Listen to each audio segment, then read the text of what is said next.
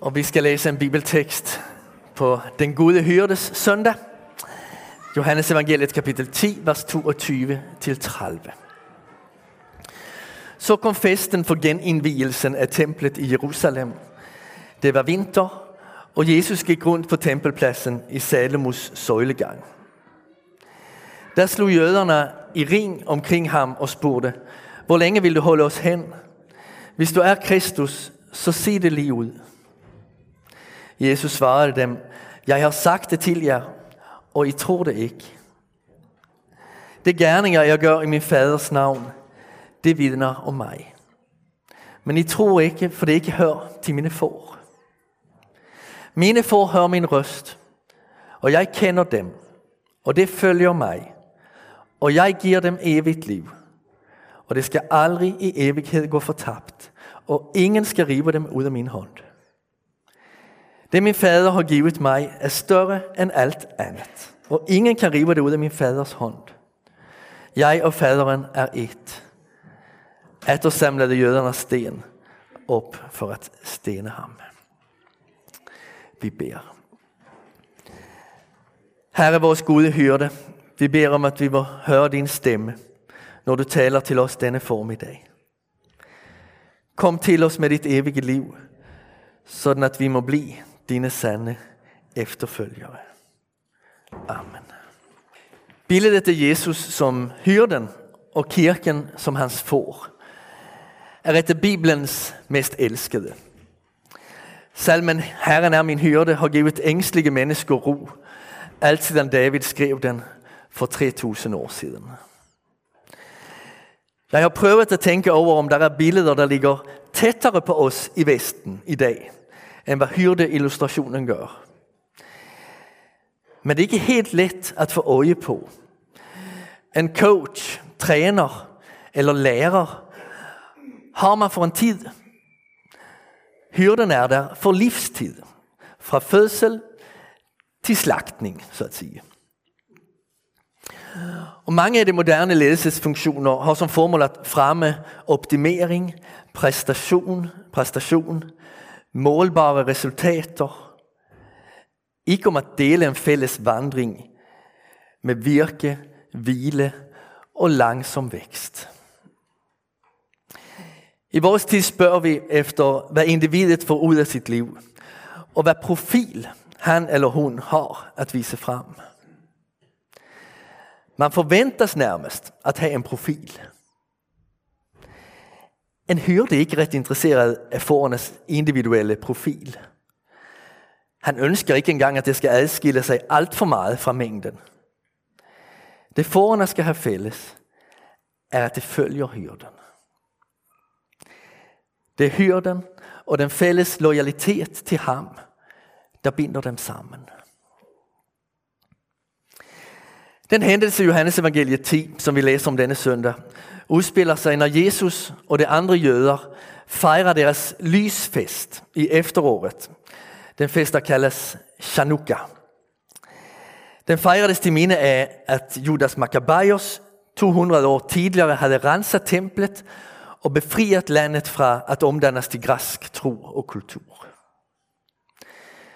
Nu er Israel igjen under besættelse denne gang under romersk besettelse.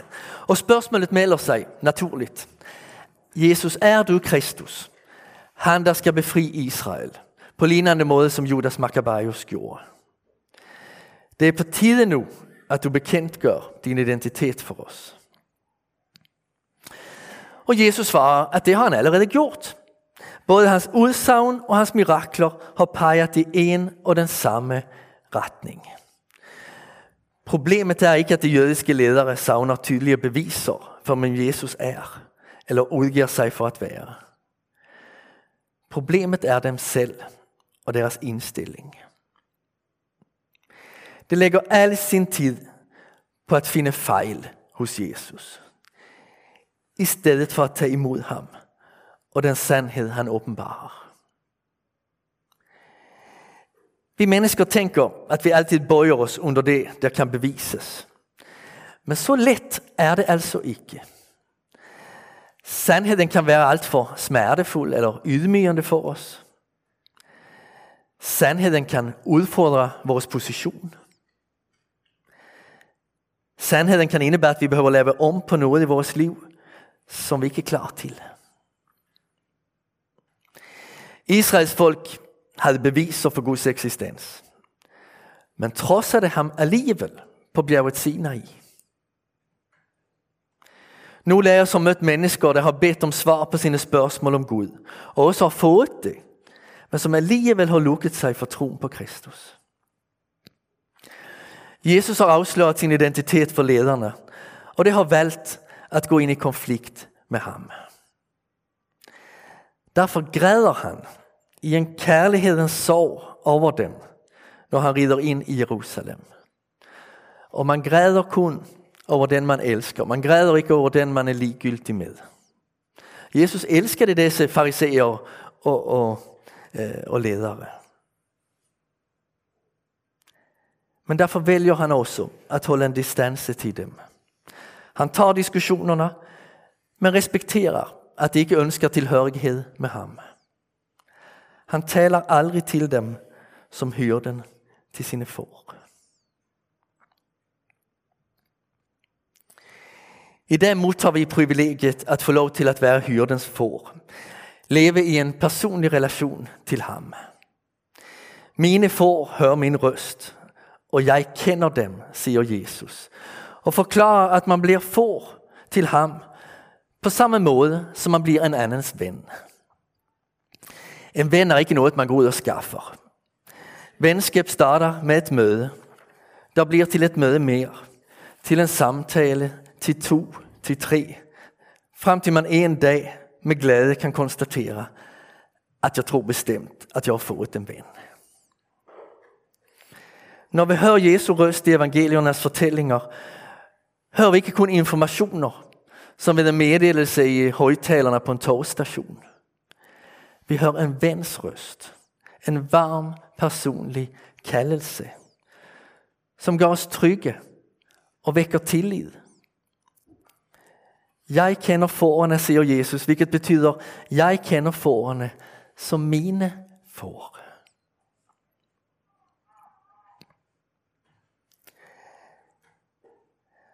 Forbundetiden til hyrden leder fårene inn i en efterfølgelse. I alle tider har mennesker fulgt noen. Det har fulgt en politiker, en entreprenør og visionær, en filosof eller religionsgrunnlegger, en revolutionær, en vitenskapsmann med nye tanker og hypoteser. Som kollektiv er vi også følgere. At være en del av en kultur, som vi alle er, betyder at man er utsatt for påvirkning fra tidens ånd, fra kulturelle forventninger, fra markedskrafter, fra ideologisk styring. Personer, der kaller seg radikale og selvstendige i vår kultur, har som regel ligget i den samme kopimaskine som alle oss andre. Kun noen få sekunder lengre. På sociale medier handler alt om at få følgere. Vi følger kunstnere, havespecialister, politikere, modeskapere, fitnessinstruktører, organisasjoner, sportsstjerner, virksomheter, psykologer osv. At følge er at give noen autoritet og innflytelse over sitt liv. Vi kan være nye eller gamle, eller ja, at være og Spørsmålet er ikke om vi følger eller ej. Spørsmålet er hvem vi følger. At være for til Jesus er at følge ham. Det er at gi hans stemme innflytelse over sitt liv. Vi kan være nye eller gamle vandrere, være kommet forskjellig langt på efterfølgelsens vei. Det er ikke rett avgjørende. Det avgjørende er, om vi har begynt at følge. Om vi har valgt en retning med Jesus som vår hyrde. Det vi forplikter oss på som kristne, det er at følge det lys vi har.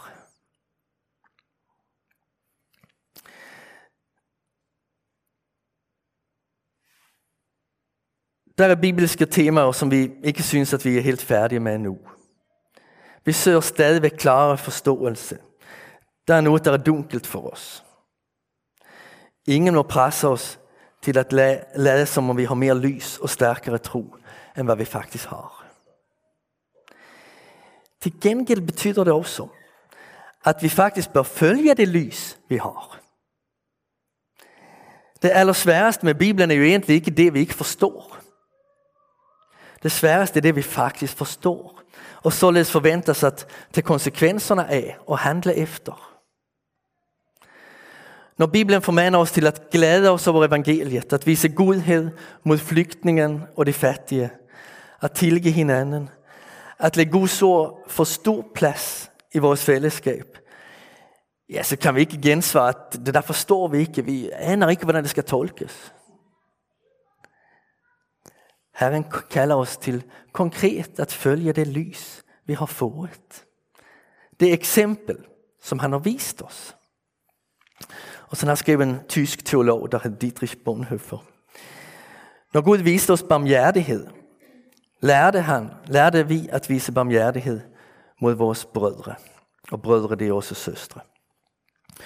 Når vi ble tilgivne og ikke dømt, forberedtes vi til å tilgive våre brødre. Hva Gud gjorde mot oss, det var vi nå skyldige våre brødre. Jo mer vi hadde tatt imot, desto mer kunne vi gi. Jo fattigere vår broderkjærlighet, desto mindre lever det vi åpenbart selv av Guds barmhjertighet og kjærlighet. Så lærte Gud oss å være sånne mot hverandre som Gud er mot oss i Kristus. At følge Jesus ser ved første øyekast ikke rett radikalt ut. Men er en del av en kultur og særskiller seg ikke noe helt enormt fra mengden. Men spørsmålet er om det allikevel ikke må regnes for noe ganske radikalt. Oss det har lært en demokratisk måte å tenke på, er vant til at makten alltid deles. Én person beslutter ikke det hele, for alle mennesker bør korrigeres og suppleres. Når Jesus her sier at han gir sine efterfølgere evig liv, taler han ikke kun om en himmelsk tidsperiode, men også om en himmelsk kvalitet. Han påstår at den der kan gi verden det rettvendte liv, hvor relasjonene til Gud, oss selv, medmennesket og hele skapelsen er hele og fullkomne.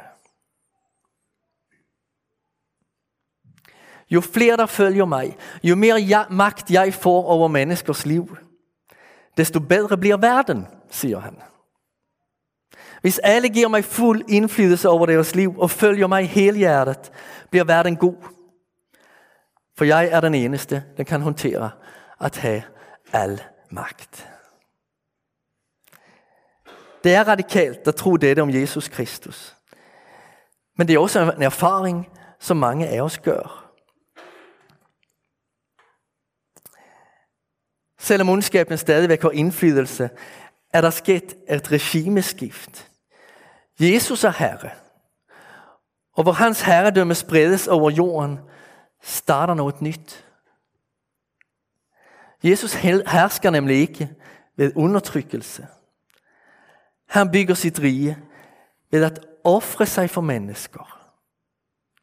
Ved å fremme sannheten i deres liv ved å gi dem konkrete, tydelige bud. Ved å formane i stor kjærlighet. Ved å vise uendelig nåde til den det har sviktet. Og ved å fordrive frykt og bringe fred.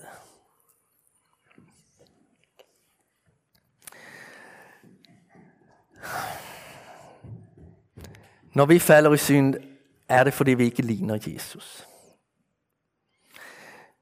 Når våre relasjoner fungerer, er det fordi vi ligner Jesus. Å sätta sin tro til Jesus er att omvende seg. Det er å begynne å lengtes efter mer av ham i sitt liv, som vi sang om her i en sang tidligere. Det er att drømme om den tid hvor han er herre over alt. Hvor han er herre over hver eneste menneske.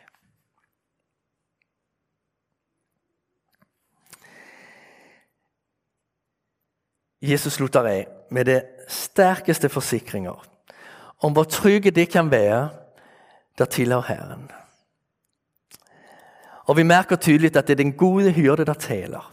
Jesus bruker kærlighetens sprog. Han forklarer dem der har troen. Han forklarer oss der er kirken, at vi er det fineste Faderen har givet til ham. Det min fader har givet meg, er større enn alt annet, sier han.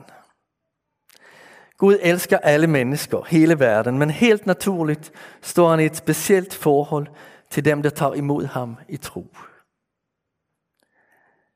Han elsker oss mer enn en jordisk hyrde elsker sine får. Han elsker oss mer enn en forelder elsker sine barn. Og Vi merker også den gode hyrdes stemme i ordene Det skal aldri i evighet gå fortapt, og ingen skal rive dem ut av min hånd. Hele poenget med en hyrde er at det ikke er nok at et lam blir forløst. Lammet skal deretter voktes og passes. Det ville være utrygt å skape prestasjonsangst hvis Jesus sier at nå har jeg gjort mitt jobb og givet dere troen. Men dere skal ikke tro at jeg kommer til å bevare dere i den. Det er deres oppgave. Nei, Sånn taler ikke en hyrde eller en forelder. Det sier snarere 'Bliv hos meg og lytt til meg, så vil jeg bevare deg, og du vil kunne vokse'. Hvis noen spurte hvordan det lyktes oss å klare oss gjennom barndommen og bli til et noenlunde fungerende menneske, så ville det mest grunnleggende svar for langt de fleste være at vi ble hos våre foreldre og lyttet til dem. For en del er svaret det motsatte, men for langt de fleste er det sånn man modner. Man blir i foreldrenes trygghet og tar del av deres forståelse av virkeligheten og deres veiledning inn i livet. Når Jesus gir sine løfter her, gjør han det til dem, dem der ønsker å bli i kirkens lesninger og forkynnelse. Dem der sammen med kirken ber om å bli bevaret i troen. Og det ber på Guds løfter. Han har lovet det, og derfor kan vi be med forvisning om at han holder det løftet. Så vi ber sammen med kirken om å bli bevaret hos Jesus. Jesus innbyder oss til å leve med tiltro til hans suverenitet og beskyttelse. Han utpeker en holdning til livet hvor intet i siste ende er utenfor hans kontroll. Der vi lovsynger Herren og sier 'Han som bevarer Israel, faller ikke i søvn'. Han sover ikke. Og Jeg kan for egen del konstatere at jeg har behov for mye øvelse i denne tillitsfulle holdning til Guds omsorg. Til tross for at verden slett ikke er hva den burde være, er historien ikke fortellingen om en passiv Gud. Ikke engang meningsløse krig eller en økonomisk kollaps kommer som en overraskelse for ham. Han er med også i det. Ja, i noen grad til og med bruker han det til å føre mennesker inn i sin velsignelse og frelse. En del ganger kan vi skjønne det. Den politiske situasjonen i Iran er forferdelig. Og eksemplene på urettferdighet og splittelse av familier er mange. Men den har muliggjort den største kristne vekkelse i lang tid. Forbryteren på korset opplevde sitt livs verste hendelse, men der på korset mottok han frelse. Det ville han måske aldri ha gjort hvis han ikke hang der ved siden av Jesus. Andre ganger forstår vi ikke hva meningen er, eller hvorfor det skulle bli som det ble. Lige nå er jeg ved å avslutte knapt fire år i Bornholmerkirken, som ikke ble helt hva jeg eller noen av oss hadde håpet på. Det har gått litt opp og ned, må man si. Og det vekker selvfølgelig tanker og følelser. Og alle av oss slåss med ting i vårt liv og undrer i perioder hvor Gud er. Hva han egentlig tenker og gjør. Men vi må øve oss i at overlede alt til ham. Det har all makt. Vår aller dypeste trygghet for framtiden ligger i at Herren arbeider for vår frelse. Han vil at vi skal få lov til å vandre i hans lys, og at vi skal få lov til å leve i hans ære. Det er det han kaller oss til, det er det han, han virker for i vårt liv. At vi skal bevares hos ham og ære ham med vårt liv. Reformasjonen under 1500-tallet gled ikke på skinner. Og ved noen tilfeller kunne Martin Luther gå rundt der hjemme i flere dager i trakk. Stille, dyster, fortvilet over utviklingen. På et tidspunkt så gadd hans kone Katarina ikke mer. Så hun besluttet seg for å kle seg i sørgedrakt, i begravelsestøy. Nå, spurte Martin Luther når han så henne, hvem er det der har dødd? Hvem er det der er død? Det er Gud der er død, svarte Katarina. Og Luther forstod hva hun mente. Han opptrådte som om Gud var død, som om han hadde glemt dem og overgivet dem som om han ikke tok seg av dem. Og Det ble så vendepunktet for ham. Han fant tilbake til fortrøstning og en lysere livssyn igjen. Jeg gir dem evig liv, og det skal aldri i evighet gå fortapt. Og ingen skal rive dem ut av min hånd. Ja, det er et løfte til oss der ønsker å bli i kirken og ta imot Guds ord i vårt liv. Høytiden der i Jerusalem har vært ende i såkalt svenske tilstander med vold og stenkast. Og jeg, jeg, vil gjerne ende denne prediken med noe ganske annet, nemlig en lille kommentar. Det handler om vår identitet som mennesker. Vi ender nemlig lett i to grøfter. Og Det ene er å si jeg er synder og således verdiløs og udulig. Og Den andre grøften er å si jeg er verdifull så ingen må kritisere meg. Og Jesu ord her viser at vi er verdifulle og elsket. Det største Gud eier. Det sier han jo her. Vi skal ikke forakte oss selv. Det er helt imot evangeliet å forakte seg selv. Helt imot evangeliet. Og samtidig er vi får. Det farer vilt i synden hvis Herren ikke leder og bevarer oss. Vi har ingen sjanse å bli bevaret selv. Vi er får. Det vil vi alle klare. Og Jesus vil hjelpe oss med det. Og han vil hjelpe oss å se sant på oss selv. At være får til hyrden Jesus, det er å være elsket, men også å være mottaker, er hans hjelp og beskyttelse. Amen. Vi skal be med to halve salmevers.